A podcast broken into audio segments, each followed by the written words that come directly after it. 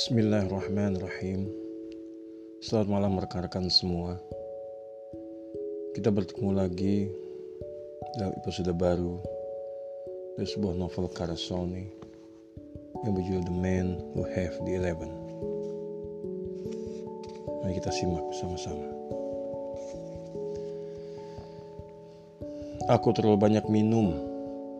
Anggur ini seperti banjir Nuh, menenggelamkanku haus akan darahku.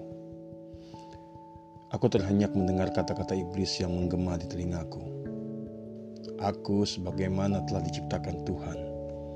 Kalau saja aku sudah bersujud pada Adam, aku akan tetap menjadi pimpinan para malaikat yang paling dekat dengan singgah sananya. Aku akan meminta Ibrahim membebaskan Ishak Aku akan menyelamatkan Hajar di belantara gurun. Aku akan beri kabar pada Zakaria tentang kelahiran Yunus dan kepada Maria tentang kelahiran Yesus. Aku akan menyampaikan firman Tuhan kepada Muhammad. Semua ini adalah milikku sebagai harga setundukan kepala. Gara-gara setundukan kepala aku diusir dan menjadi makhluk yang paling jauh dari singgasananya. Sebagaimana bentuk dan sosoknya, segala pertimbangannya tidak dapat dinalar pikiran manusia. Kebesarannya tak terlukiskan oleh kata-kata. Apa yang dahulu Musa panjatkan padanya? Izinkan aku melihatmu, jiwaku akan merasa lega tatkala melihatmu, dan segala keraguanku bakal lenyap dengan memandangmu. Malaikat Tuhan berkata padanya, Kau tidak akan sanggup melihatnya, tapi bila kau tatap bongkahan gunung di sampingmu, dia akan menampakkan sebagian saja dari keindahannya. Jika gunung itu tetap tegak berdiri, kau dapat melihatnya. Musa memaku pandangannya ke gunung itu. Tatkala Tuhan menampakkan dirinya, gunung itu pun runtuh seketika. Musa tersungkur jatuh dan berkata, Ampuni aku, malaikat Tuhan berkata. Andai dia menampakkan sebagian kecil lagi dari keindahannya, niscaya dunia sudah runtuh seperti gunung itu, dan tamatlah lewat seluruh makhluk hidup di muka bumi. Jangan samakan pikiran kalian, perasaan kalian, persepsi kalian, dan mengatakan bahwa semua itu berlaku pula padanya. Bahwa dia juga memiliki pikiran seperti pikiran kalian, perasaan seperti perasaan kalian, dan pertimbangannya sama dengan pertimbangan kalian. Itu adalah anggapan yang sangat bodoh.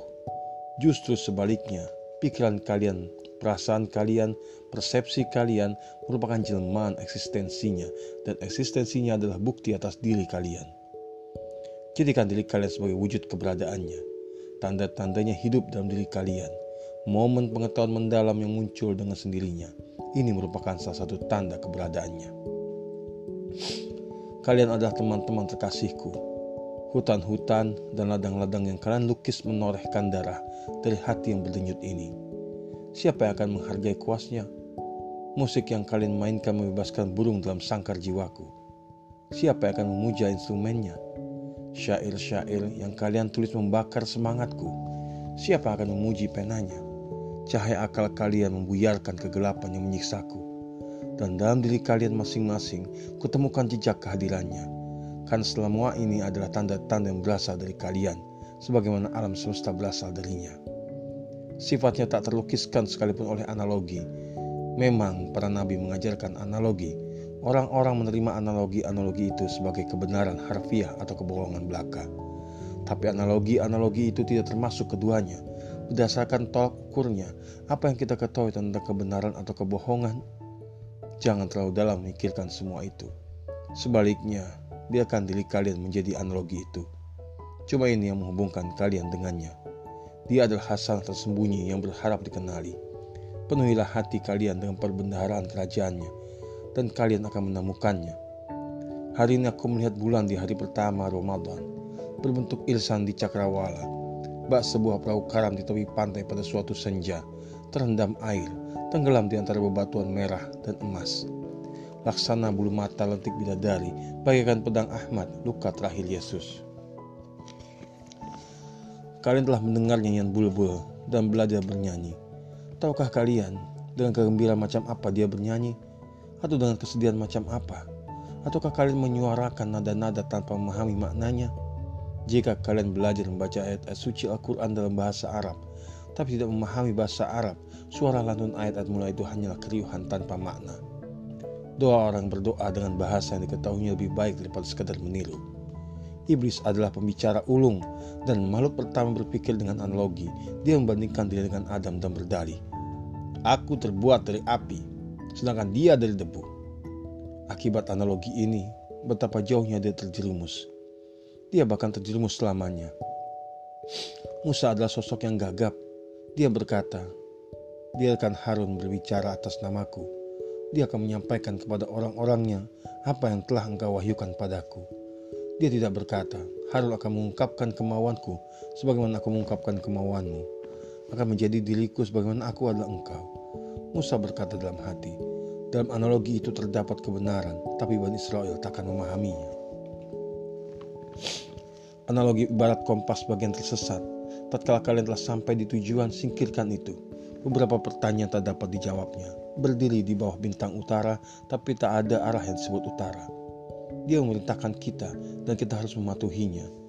Dia, dia telah menyingkapkan secuil misteri dirinya lewat analogi yang memungkinkan kita melihat sepintas lalu keindahannya. Melalui analogi, dia mungkin menarik kalian hingga mendekat tapi meskipun kalian melihat wajahnya namun tidak mematuhi perintahnya, niscaya kalian akan tersesat. Jika kalian ingin digolongkan sebagai orang-orang beriman, pertama-tama perhatikan dengan serius perintahnya. Dan baru sesudah itu, pikirkanlah analoginya. Berhati-hatilah dengan pedang yang memotong apa-apa yang menurutnya serupa. Tepat tajam oleh ihwal yang sudah tak asing lagi, atau kalian akan menggorok matang leher kalian sendiri dengannya. Analogi tidak memberitahu kalian apa yang dia kendaki dari kalian.